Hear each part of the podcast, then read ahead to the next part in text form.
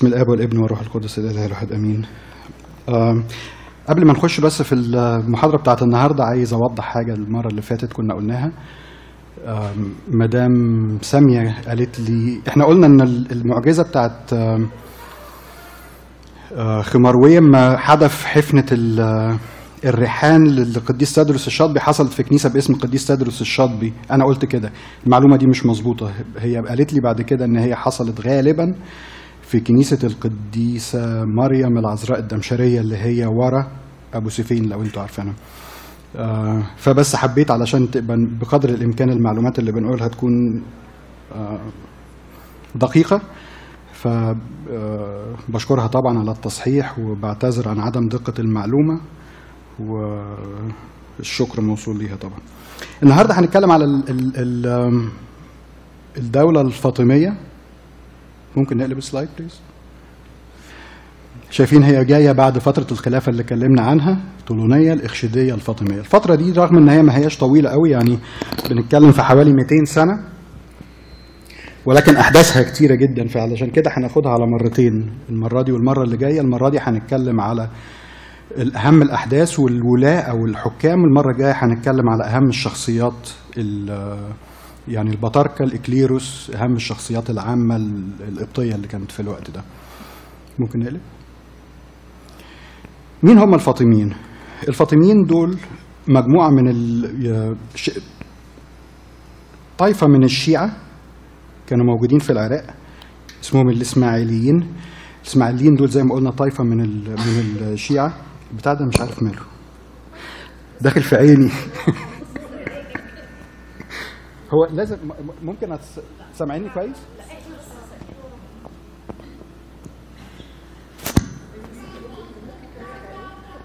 الناحية التانية؟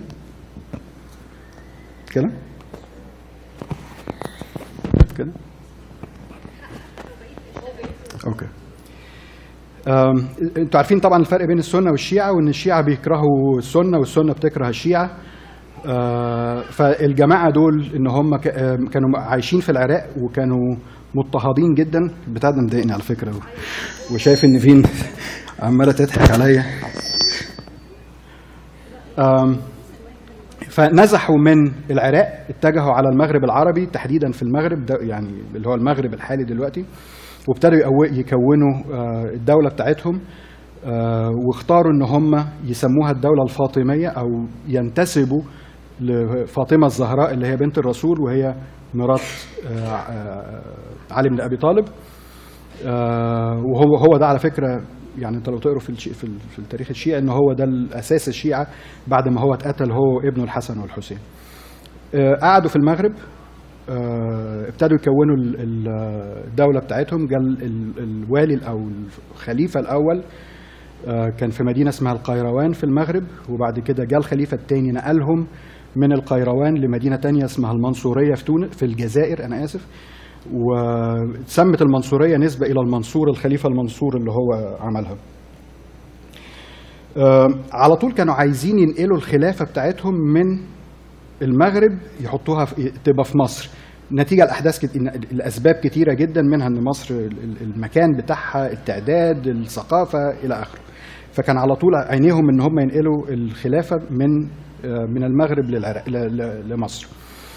آه، اللي ابتدى ينفذ الموضوع ده الخليفة الثالث اللي هو المعز لدين الله الفاطمي بعت قائد قواته اللي هو اسمه جوهر الصقلي أو جوهر في ناس بتقول عليه جوهر الصقلبي بعته على رأس جيش من مئة ألف جندي و30 ألف جمل علشان ينقل الخلافة لمصر.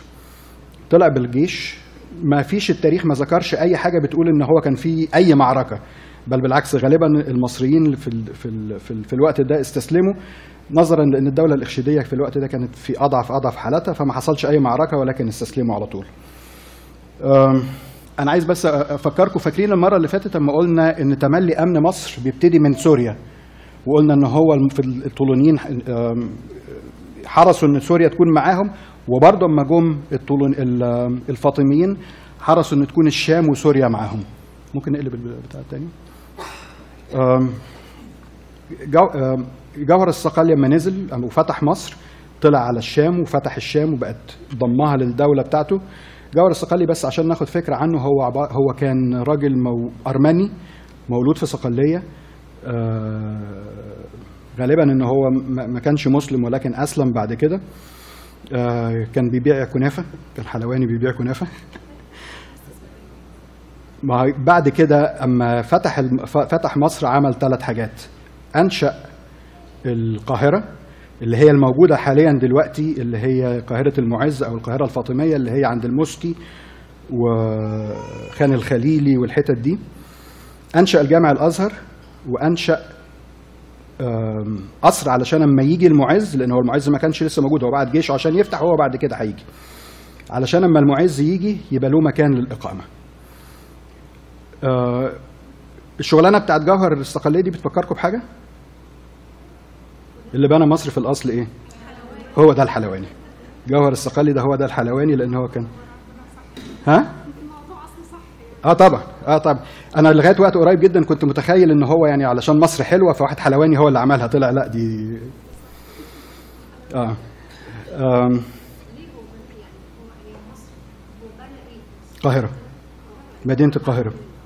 خلي بالك إن هو لغاية وقت مش لغاية وقت لغاية النهارده. إحنا بنسمي القاهرة مصر. يعني أنا نازل مصر رايح مصر. في وقت العثمانيين كان اسمها مصر المحروسة. القاهرة كان اسمها مصر المحروسة. في أربع حاجات حصلت في أيام الدولة الفاطمية. لأول مرة كنا بنشوفها. أول حاجة إنه جوهر الصقلية لما فتح مصر لأول مرة بنسمع إن هو بيفتح آه، بيبعت لمملكة النوبة بيقول لهم يا إما الجزية يا إما الدخول الاسلام قبل كده إحنا كنا على طول بن إيه مملكة النوبة دي محصنة ومحدش بيقدر يجي ناحيتها. ده بالعكس لو تفتكروا المرة اللي قبل اللي فاتت أما حصلت ال- الثورات القبطية وفي الثورة البشمورية الثانية ملك النوبة نزل على مصر وعدى الصعيد وكان على أبواب الصعيد آه، على أبواب الفسطاط لولا إنه ال- الوالي استنجد بالبابا وقال له اعمل معروف روح الراجل ده هينهينا. وبكل أسف إن البابا فعلا راح واتوسط ومنع ملك النوبة إن هو يكمل. فبالتالي إن هو يبعت له يقول له الجزية أو الدخول.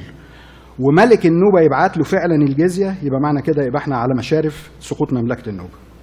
فلأول مرة النوبة بتدفع جزية للدولة العص... لل... لل... لل... للخليفة. لأول مرة بنسمي الخليفة أو بنسمي والي مصر أو حاكم مصر أو سلطان مصر خليفة.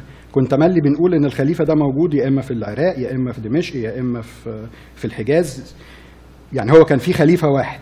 النهارده بقى أصبح في خليفتين في الخليفة العباسي اللي قاعد في العراق أو في بغداد وهو الراجل ده سمى نفسه خلاص خليفة. فبالتالي بقى في دولتين موازيتين وحكمين ماشي مع بعضه. الحكم العباسي أو الدولة العباسية والدولة الفاطمية. لأول مرة بتظهر الحركة الصوفية في مصر. تظهر في مصر مش تظهر لأن هي موجودة من أيام الرسول كانت موجودة في في في ال في الجزيرة موجودة في الأندلس موجودة في اليمن موجودة في السودان موجودة في في المغرب. ولكن أول مرة توصل مصر كانت في وقت الدولة العثم الفاطمية. ودول حن بعد كده هنلاقي ليهم دور.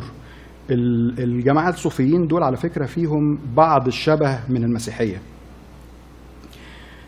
يعني هتلاقي إن علاقة تبع الصوفية علاقة الشخص بربه ما هياش علاقة خوف وإن الرب أو الإله ده جبار وبيموت ولكن علاقة حب وعشق إلهي ما بين الشخص وربه. ده نفس الكلام بتاعنا أو نفس الفكر بتاعنا إن إحنا بنعتبر نفسنا أولاد ربنا وليس عبيد.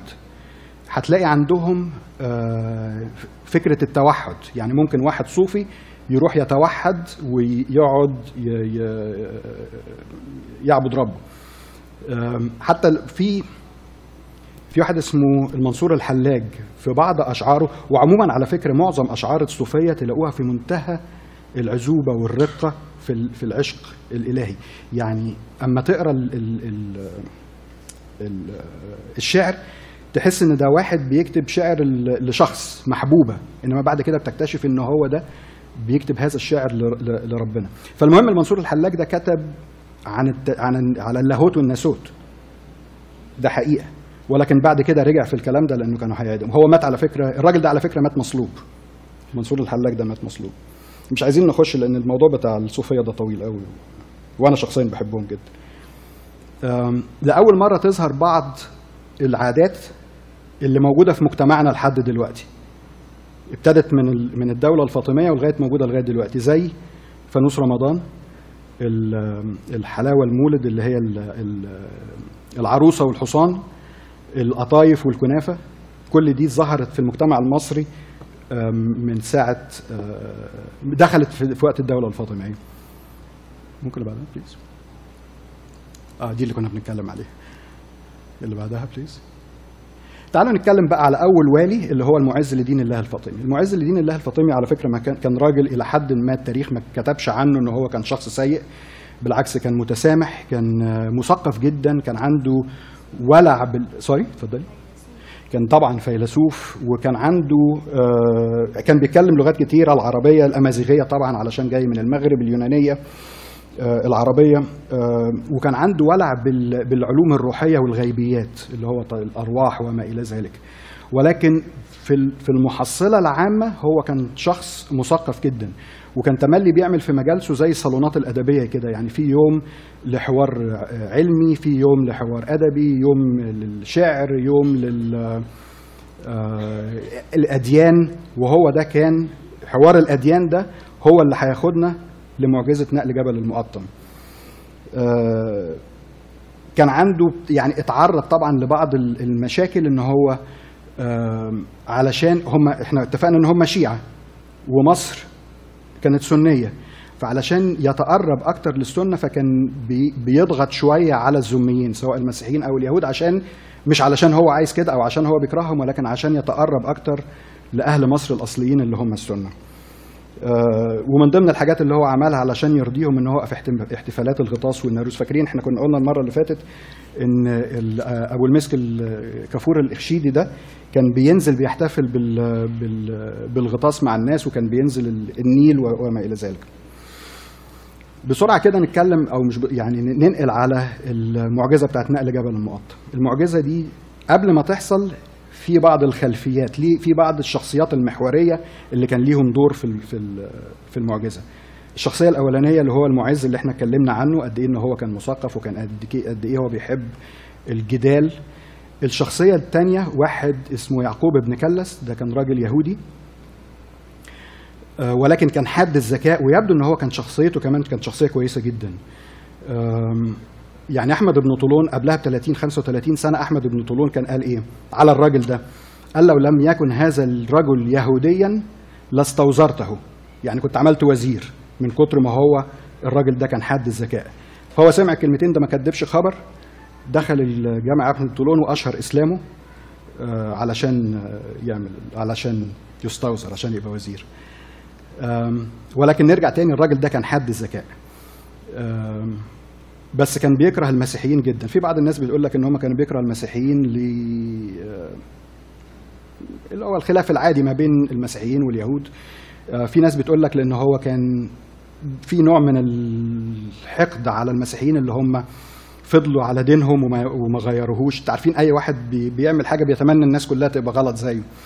آه، في بعض ال- الأقوال الأخرى قالت إن هو كان بيكرههم جدا عشان كان في واحد وزير اسمه أبو اليمن ده كان عايز كان خايف إن هو يبقى وزير وياخد مكانه. يعني بغض النظر إنما المحصلة النهائية إن هو كان بيكره المسيحيين. الشخصية الثالثه المحورية مش في حدوث المعجزة ولكن عشان نوصل إن تحصل المعجزة. كان الأسقف ساويرس بن المقفع فاكرين إحنا اتكلمنا عنه المرة اللي فاتت؟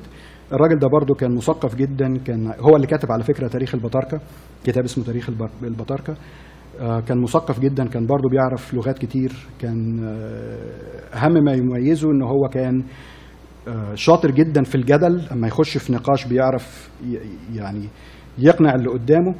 وتاني حاجة كان عنده سرعة بديهة آه، عالية جدا. عارفين القصة بتاعت الكلب بتاعته؟ حد سمع عنه؟ كان مرة قاعد يوم جمعة في السوق هو والقاضي قاضي مصر قاضي مصر كان اسمه النعماني في الوقت ده. فمعدي كلب فالقاضي حب يستظرف فبيقول له تفتكر يا اسقف الكلب ده مسيحي ولا مسلم؟ فبسرعة بديهة مذهلة قال لك آه، النصارى يوم الجمعة صايمين فحطوا للكلب طبق فوق بقول وحتة لحمة. لو كل اللحمة يبقى مسلم لو كل البقول هيبقى نصراني. الراجل طبعا ما يعني أسقط في يده سابه وقام ما كملش المناقشة. فدي الشخصيات اللي هي دخلتنا لنقل للمعجزة. اللي حصل بقى في المعجزة إيه؟ إنه زي ما قلنا إن هو ال- ال- المعز كان في يوم من الأيام اللي هو في الصالونات بتاعته اللي هو كان في جدل آه، يعني بيجيب اتنين من مختلف الأديان ويقعدوا يتجادلوا سوا. فجاب أبو كلس ال سوري يعقوب بن كلس ده وجاب معاه واحد اسمه أبو موسى اليهو اليهودي. أبو موسى. آه. وجاب من ناحية المسيحيين البابا برقام ابن, ابن زرعه وعشان البابا برقام كان عارف إن هو آه، الأسقف اللي هو آه، ساويرس ده يعني شاطر في الجدل فطلب منه إن هو يكون معاه. فهم دول الشخصيات اللي كانوا موجودين في المجلس. ال- المعز الاثنين اليهود والاثنين المسيحيين. فاجتمعوا مع بعض وابتدى ال- الأسقف ال- ال- الخليفة يقول لهم يلا ابتدوا اتكلموا. ففضل آه، المسيحيين ساكتين. فالبابا بيقول لل- اللي هو الأسقف ساويرس قال له ما تتكلم يا مبارك. فقال له الحقيقة أنا أخجل بيتكلم بقى لكل الناس بيقول أنا أخجل إن أنا أتكلم مع ناس جهلة في حضرة المعز. فالاثنين اليهود طبعا صاروا جدا إزاي بتقول لنا جه- جهلة؟ فقال لهم اهدوا بس شوية نشوف الراجل ده قصده إيه. فقال لهم أنا يعني مش أنا اللي قلت على الجماعة دول إن هم جهلة ده هم عندهم آه، آه، نبي إحنا بنؤمن بيه أشعياء قال عنهم أن الثور يعرف قانيه والحمار آه، معلف صاحبه أما إسرائيل فلا يعرف شعبي لا يفهم. فالمعز قال له بجد أنتوا عندكم الآية دي في في كتابكم؟ فقالوا له آه. فطبعا ال- ال- المجلس انتهى عند هذا الحد. مش علشان حاجة لأن محدش عارف يعمل كنترول على المعز وهو بيضحك. ونهى الموضوع ده. فطبعا الاثنين اليهود خرجوا عندهم مشكلة كبيرة جدا. فيعقوب بن كلس قال لليهودي ده أبو موسى اليهودي قال له تمسك كتاب النصارى ولازم ترجع لي بحاجة. مش هنخش المرة الجاية المجلس اللي جاي غير أما تكون جاي لي بحاجة. فالمهم بعد ال ال يعني قبل قبل المر المرة الجاية المرة اللي بعدها يعني جم قالوا له جاء لهم يعني جاء ليعقوب ده إنه عندهم النصارى في آية بتقول إن كان لكم إيمان مثل حبة الخردل إلى آخره. قال له بس. كده تمام. فجم في اليوم ده فقالوا للمعز النصارى عندهم آية بتقول هذا الكلام إن كان عندكم إيمان مثل حبة الخردل لكنتم تقولون لهذا الجبل ينتقل من هنا فالمعز راح قال للبابا ما كانش مذكور قوي أو على الاقل أنا مش عارف أو ما لقيتش انه ساويرس بن المقفع كان حاضر في المجلس ده. يبدو ان البابا بس هو اللي كان موجود. فقال له بجد أنتوا عندكم عن في ال... في آية بتقول هذا الكلام في الكتاب بتاعكم؟ فالبابا ابتدى يشرح له قال له أيوه موجودة بس المقصود بيها المع... الم... ال... ال... القصد منها كذا مش مش حرفيتها. قال له بس أنتوا عندكم كده؟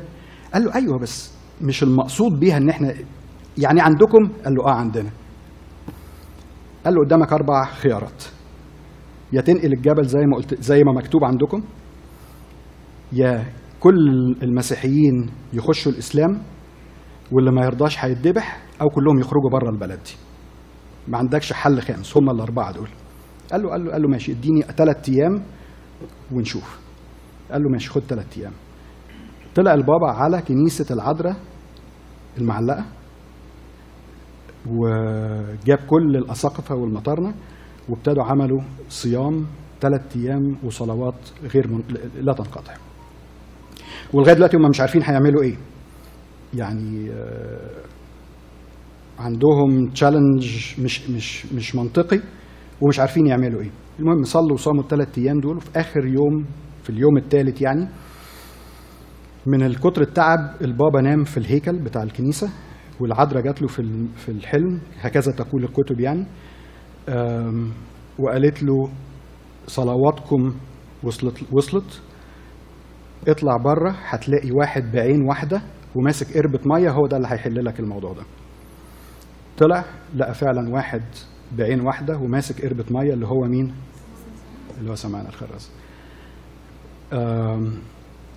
وقال له إن يعني أنت اللي هتحل لنا المشكلة دي فهو من تواضعه قال له لا ومش حال مش عارف فالمهم قال له ده العذراء هي اللي أمرت بهذا الكلام فقال له طيب. ف قال له هتعمل إيه؟ فشرح له بالظبط هيعملوا إيه. جم في نفس اليوم إحنا إحنا قلنا المعز اداله ثلاث أيام وهو صام ثلاث أيام فمعنى كده إن اليوم ده اللي ظهر له فيه سمعان هو ده اليوم اللي. المفروض يتفقوا فيه.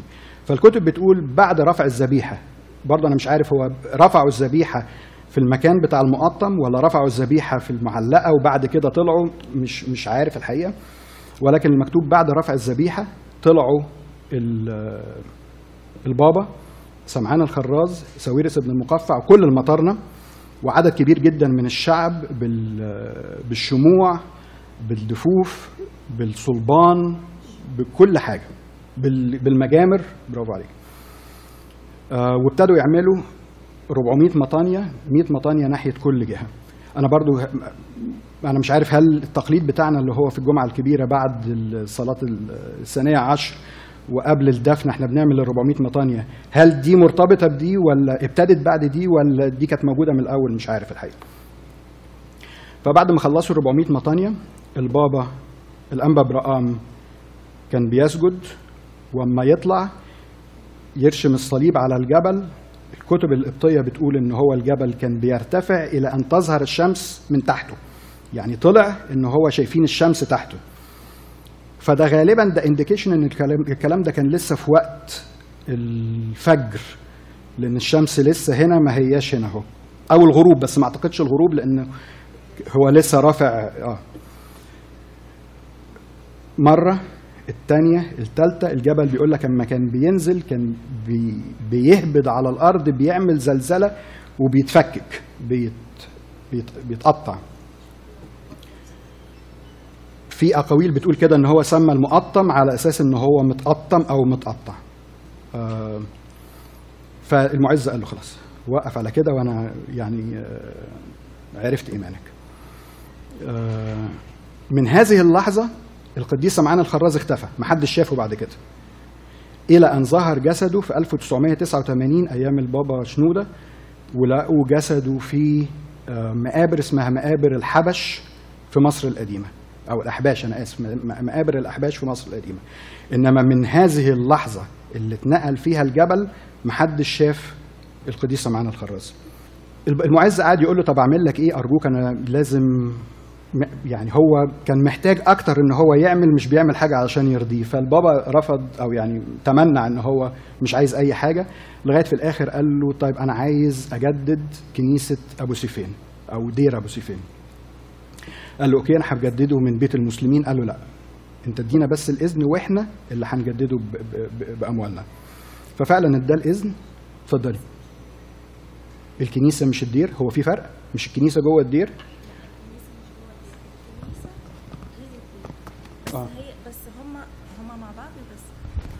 الكنيسة حاجة والدير حاجة. okay. بس الراهبات زمان ما كانش عندهم كنيسة جوه البيت ولا مسبح آه. فكانوا بيصلوا في الكنيسة الأثرية okay. اللي هي أبو سفين okay. أشكرك على المعلومة. أنا ما كنتش عارف. بعد ما اداله الإذن قاموا شوية من ال... كالعادة اللي هم ال... يعني السوقه والرعاع إن هم كانوا عايزين ي... ي... ما يزو... ما, ي... ما, ي... ما يجددوش الكنيسة لغاية واحد شيخ شيخ جامع من اللي حواليهم رمى نفسه في الحفرة وقال له على جثتي إن الكنيسة دي تت... تتجدد. فأما سمع المعز جاب نفسه تخيلوا أما الخليفة يجي بنفسه وفرق ال- ال- ال- التجمع ده وامر أمر إن يتردم على الراجل ده ويكمل الشغل حتى لو هو مردوم. لولا إن البابا توسط وقعد يتحايل عليه أما طلعوا الراجل وكملوا شغل. المعز وهكذا تقول الأقاويل. دي صورة النقل ودي صورة القديس سمعان الخراز. ممكن اللي بعده please يقال إن هو اتعمد في كنيسة أبو سفين أو دير أبو سفين معرفش بقى. هو اتعمد في الكنيسة والمعمودية دي موجودة معمودية السلطان. دلوقتي معمودية السلطان. اللي هي صورتها تحت. يا بالظبط. هي بين الأنبا شنودة رئيس المتوحدين وبين أبو سفين في رواق طويل كده. آه. هو في المعمودية دي ومقفول عليها. أوكي. وساعة الثورة ده- دي حاجة يعني كده. ساعة آه، الثورة بتاعت 25 يناير طبعا السلفيين ظهروا ما كناش نعرفهم قبل كده. فحد من المنطقة وشى إن في آه، آه، لا مش مخازن سلاح إن جامع للمعز لدين الله الفاطمي بين الكنيستين. بس هو مش جامع دي مم. معمودية. okay. هما كانوا بيقولوا إنه بيجي يصلي في الوقت هو ما كانش بيجي يصلي. هو دي كان المعمودية اللي اتعمد فيها وحتى الجيش جه وكل حاجة بس الآثار خدتها ولغاية دلوقتي متقفل عليهم ومحدش. أوكي. هو عموما إحنا ما فيش النهارده في في في في, في القاهرة مكان تقدر تقول هو ده ضريح المعز. محدش عارف على فكرة المعز على حسب برضو الكتب القبطية مدفون في كنيسة أبو سفيان. لأن هو بعد المعجزة دي آه، اترهبن واتوحد في الصحراء. وحتى الكتب بتاعتهم بتقول لك إن الراجل اتجنن وهام على وجهه في الصحراء. هو هام على وجهه في الصحراء يعني إن هو اتوحد. إنما تيجي تسأل فين قبر المعز مفيش مكان معروف لقبر المعز.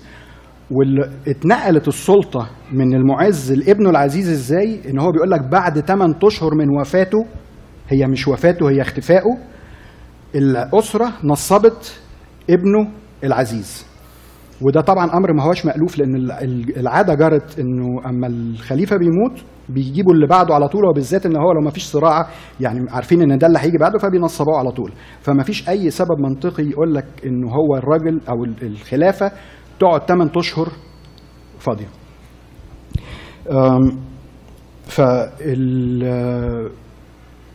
الأقباط بيقولوا أو الكتب المسيحية بتقول إن هو اتعمد واتدفن في أبو سفين. أم، الناحية التانية هو بيقول لك إنه الراجل اختفى وبعد اختفائه بثمان أشهر تم تنصيب ابنه. في هنا مفارقة أو صدفة إن القديسة معانا الخراز حصلت معاه حاجتين الإكستريم يعني الكتاب بيقول إن آه، وده اللي حصل معاه آه، إن اثرتك عينك فاقلعها والقها عنك خيرا أن تدخل الحياة أعور عن إلى آخره فالراجل ده أنتوا عارفين قصته هو قلع عينه ليه؟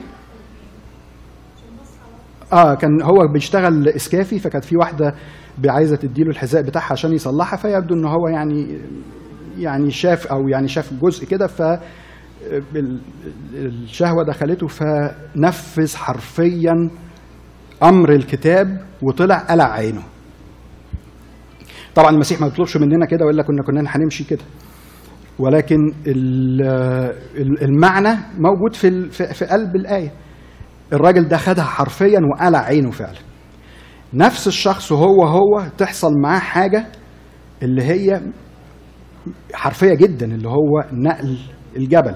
وبرضه أكيد المسيح ما بيقصدش إن هو هينقل جبل وإلا كان كل واحد مؤمن كان ماشي وساحب وراه جبل. فطبعا بكل تأكيد المعنى موجود في ال ال الإيمان قد إيه بيعمل حاجة كبيرة. أنا شخصيا ما كنتش عارف يعني التناقض أو ال- ال- الحتتين دول ممكن يجتمعوا إزاي لغاية وقت قريب أو لو حد عنده تأمل آخر بليز يبقى كتر خيره. أعتقد إن إن المسيح قال له طالما أنت نفذت كتابي بحرفيته أنا هدي لك حاجة بحرفيتها خارقة علشان تبقى معاك وتشهد لي وتقنعك. ده اللي يعني ممكن يكون حد له حاجة تانية أرجوكم لو حد عنده حاجة تانية يقولها لنا. انتهى عهد المعز ونصبوا ابنه العزيز آه بعده. إحنا فاكرين إحنا كنا بنقول من شوية إن هم إن المعز أو جوهر الصقلي بنى الجامع الأزهر. كان غرضه في من الأزهر إن هو يكون ده ينشر بيه ال- المذهب الشيعي في مصر وبعد كده في الدولة الفاطمية وبعد كده في العالم كله. و تملي كان في resistance كان في مقاومة من المصريين المصريين أنتوا عارفين سنة. فكان في تملي مقاومة فعلى طول ال ال ما كانوش بيسمحوا للفكر الشيعي إن هو بي يتغلغل فيهم. لأن هم يعني مش عارف عارفين ولا لأ إن التملي الشيعة بي بي بيشتموا في, في أهل البيت. ومصر مزاجها من الأول مزاج صوفي شوية وبيحبوا زي حالاتنا التشفع وبيروحوا الأضرحة وما إلى ذلك. آه، فما قدرش قوي يعمل الموضوع ده. ولكن الشيعة على فكرة لحد النهاردة الشيعة لحد النهاردة شايفين إن الأزهر ده بتاعهم وإن السنة اغتصبوه منهم. أرجع طالما جبت سيرة الثورة. في 2012 في أول زيارة لأحمدي نجاد اللي هو رئيس إيران جاء مصر يزور مصر. من أك... من أول أو من الأماكن اللي هو حرص إن هو يزورها كانت إيه؟ الأزهر. لأن هم الشيعة شايفين إن الأزهر ده لازال بتاعهم. وكان في حتى صورة مستفزة جدا لل- لل- للسنة إن هو أيوه ما رفع ووقف قدام الأزهر وعمل علامة النصر. فالكلام الصورة دي كانت مستفزة جدا ليهم. ولكن تاني برجع بقول إنه إنه الشيعة لا زالوا شايفين إن الأزهر ده بتاعهم. آه، العزيز كان أحسن بقى يعني كان محب جدا جدا جدا للمسيحيين. آه، العزيز كان متجوز واحدة مسيحية على فكرة واحدة مسيحية كلدانية من روسيا. وعشان كده وهي كان ليها سلطة مش سلطة ليها انفلو ليها تأثير جامد قوي على على الم... على العزيز. ها؟ أنا أنا قريتها روسيا. آه بس ما يعني بنى كنايس كتير عمل حاجة مهمة قوي إن هو أرسل مساواة ما بين الناس. بقى في حاجة اسمها مصري بغض النظر عن دينه. كان هو عمل الموضوع ده وعمل حاجة أهم إن هو لغى حجم آه، حكم الردة. إنه اللي بيرتد ما يطبقش عليه الإعدام. آه، كان له الست دي مراته كان ليها أختين عملهم الاثنين أساقفة وبعد كده واحد منهم بقى بابا بقى, بقى بطرك. الموضوع ده طبعا كان مستفز للمسلمين وكانوا شايفين إن هو بيدي- للأقباط حقوق أكتر من حقوقهم أو يعني الموضوع ده ما كانش عاجبهم إلى أن مرة واحد بعت له وهو ماشي في في السوق وقف وزعق وقال له بالذي أعز اليهود بمنشى منشى ده شخص.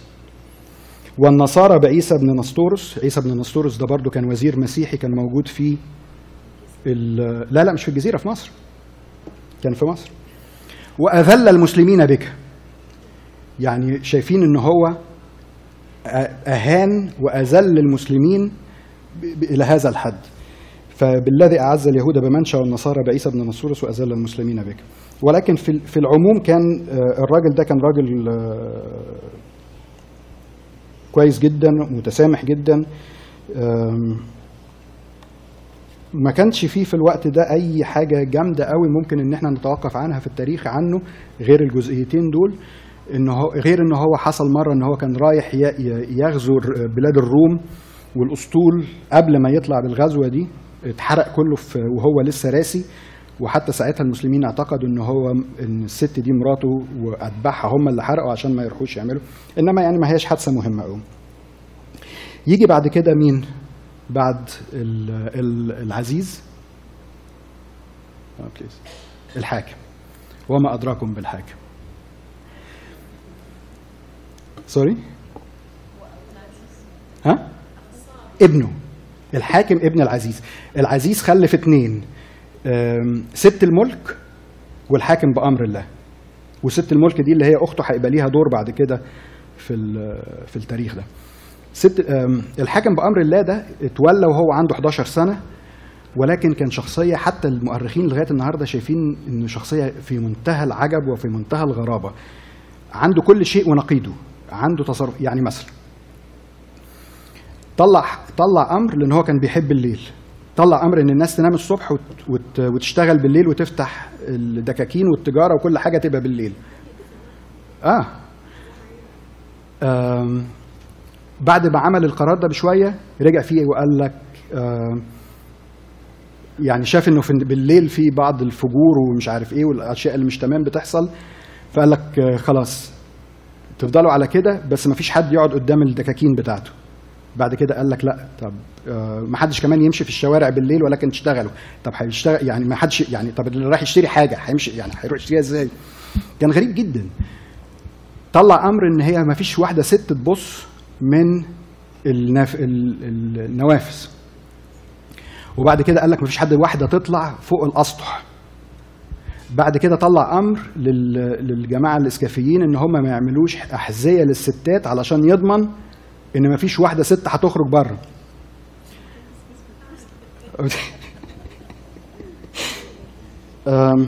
من ضمن الحاجات هو كان متدين جدا ولكن بيشرب الخمر. فما كان يشرب ما كانش يشرب لوحده كان يشرب مع مجموعة من أصدقائه. فبعد ما يشربوا يمسك أصدقائه دول يجلدهم عشان شربوا خمرة. مصر والأقباط عانوا سبع سنين تسع سنين أنا آسف تسع سنين في قمة التعب وبالذات آخر ثلاث سنين مع الراجل ده.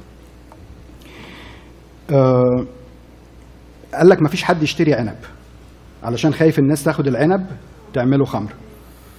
وبعد كده سمح بالعنب قال لك بس نعم؟ ده حقيقة فعلا. طبعا طبعا منع منع الملوخية. والسبب في منع الملوخية إيه؟ لأن هي ملوكية فده أكل الملوك مفروض الشعب ما ياكلوش. إنما هو فعلا منع أكل الملوخية. آه، بالنسبة لل- للعنب الأول منع آه، العنب خالص. بعد كده قال لك ماشي بس بحد أقصى ما حدش يشتري أكتر من ثلاث أرطال. وما كانش عنده هزار على فكرة يعني اللي يشتري أكتر يعني ثلاثة وحباية إعدام. بعد كده منع استيراد الزبيب وهو كان بيشرب. وبعد كده أتلف أشجار الكروم اللي في مصر كلها. الحاجات اللي كان بيحرمها مثلا.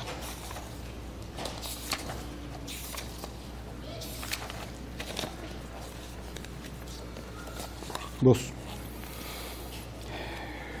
إلغاء الأعياد المسيحية منع الاحتفال بها في أنحاء البلاد صودرت أوقاف الكنائس لحساب بيت المسلمين منع ضرب النواقيس نزعت الصلبان من قباب ومن- ومنارات الكنائس.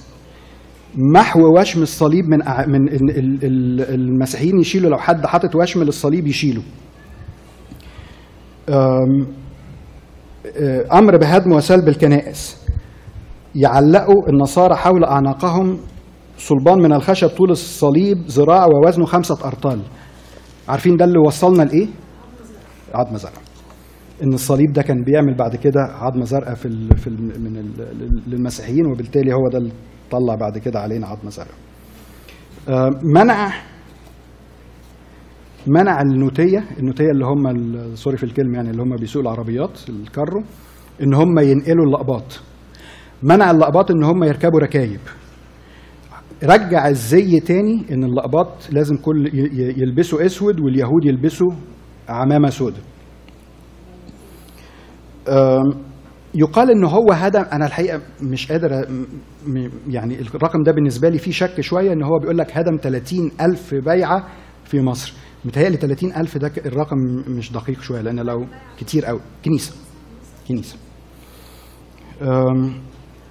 اللقباط في الوقت ده كان مثلا الناس اللي في أسيوط مثلا عايزين يعملوا قداس فكانوا يروحوا يرشوا الحاكم بتاع أسيوط علشان يسمح لهم في السر وينزلوا ستاير سودا إن هم يعملوا قداس ويتناولوا و...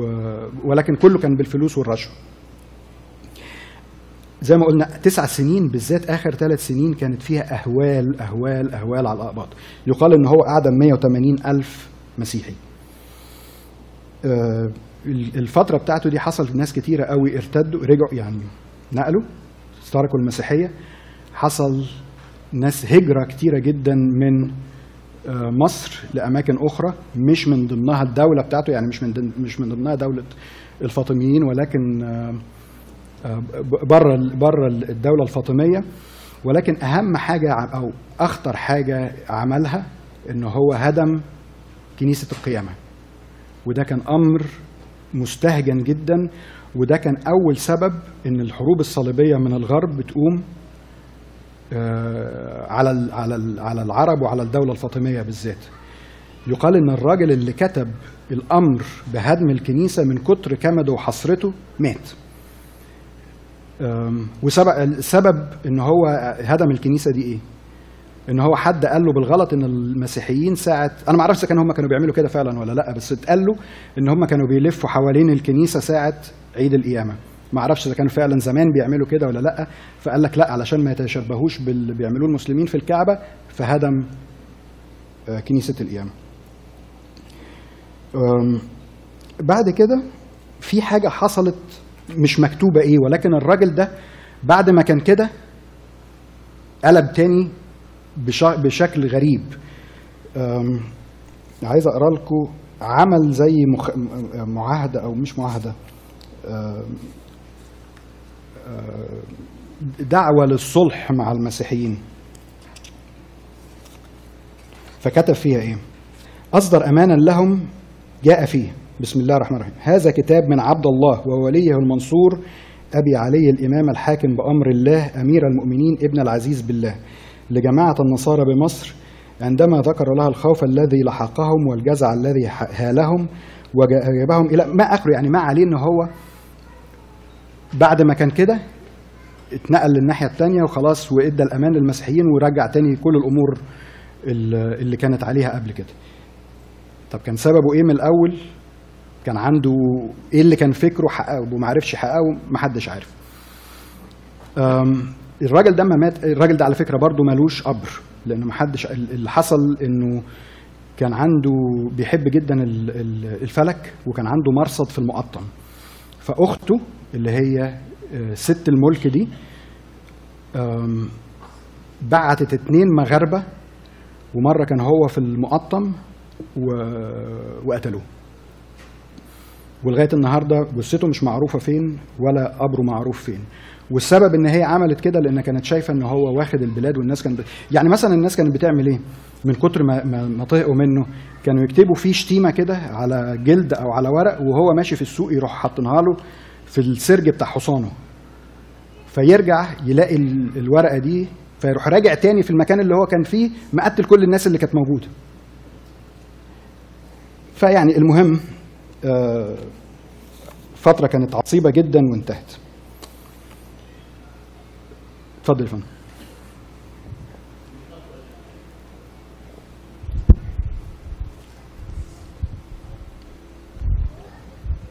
بالإضافة لأنواع الاضطهاد اللي حضرتك ذكرتها اتفضل. كان حصل أخطر حاجة بالنسبة للأباط إن هو منع الكلام باللغة القبطية. آه مظبوط. لسه وأصدر أمر بأنه اللي يتكلم بالقبطي يقطع لسانه ولو جوه بيته. أشكرك. ده أنا اللي بشكرك يعني آه، كان وبيسموا الفترة دي محنة اللغة القبطية. أنا مش عارف أنا كاتبها هنا ولا لأ.